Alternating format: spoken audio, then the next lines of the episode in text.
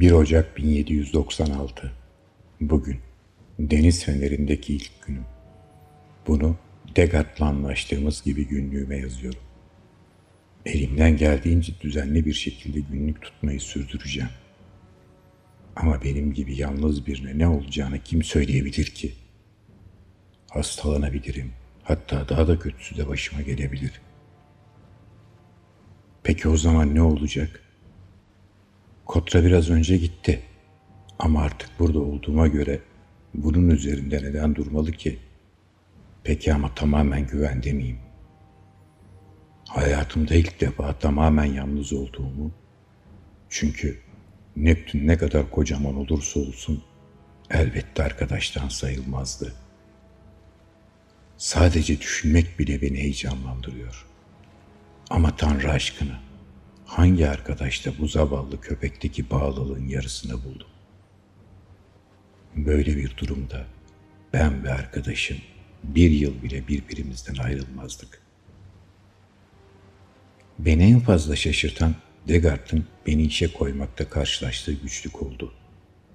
Bölgenin soylularından olan beni. İdare heyeti yeteneğimden kuşku duymuş olamazdı.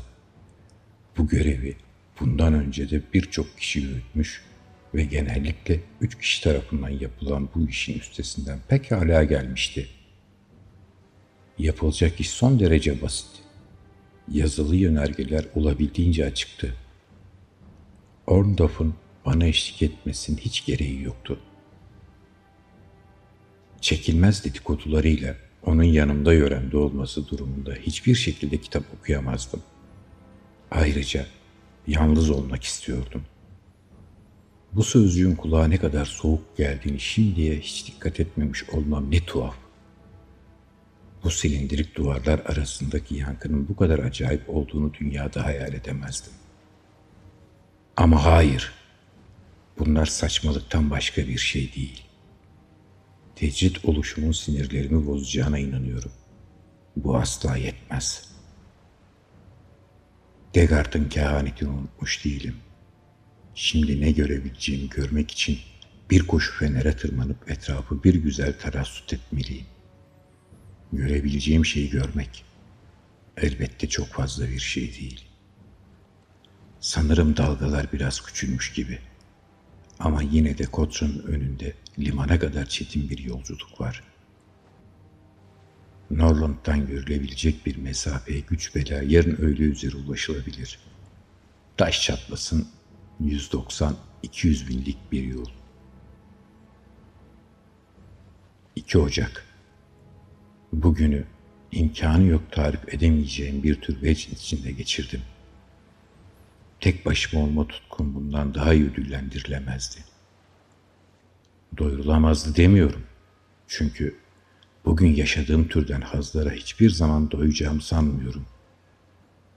Şafağın sökmesinden sonra rüzgar dindi ve öğleden sonra dalga diye bir şey kalmadı. Teleskopla bile okyanusta gökyüzünden ve ara sıra ortaya çıkan martılardan başka bir şey görünmüyor. 3 Ocak Çok sakin bir gün. Akşama doğru deniz cam gibi saydan bir görünüm aldı. Birkaç deniz yosunu göründü. Bunun dışında bütün gün hiç ama hiçbir şey. Hatta ufacık bir bulut bile görünmedi. Deniz fenerini keşfetme işime giriştim. Çok yüksek bir fener bu. Suyun karada yükseldiği alt seviyeden tepesine kadar 160 ayağa yakın yükseklik olan fenerin bitmez tükenmez basamaklarını tırmandığımda fazladan basamak tırmanmak zorunda olduğumu görüyorum. Kulenin içinde Zeminden zirveye kadar yükseklik en az 180 ayak.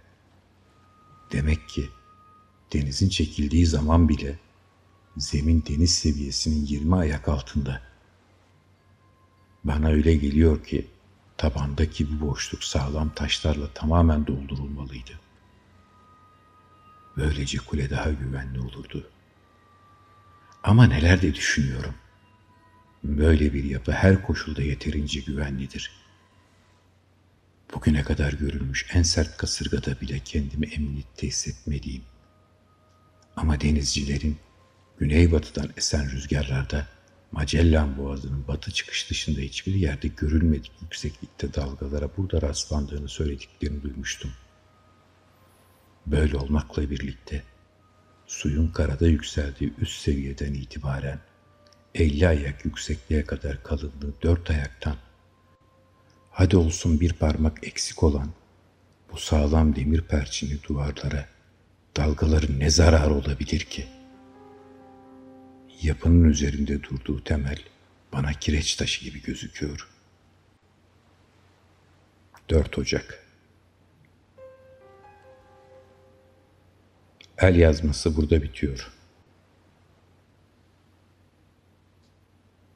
Deniz Semeleri öyküsü Poe'nun üzerinde çalıştığı son öyküydü. Ölümünden tam 92 yıl sonra Thomas Olive Mabbott tarafından bulunarak 1942'de yayımlanmıştır.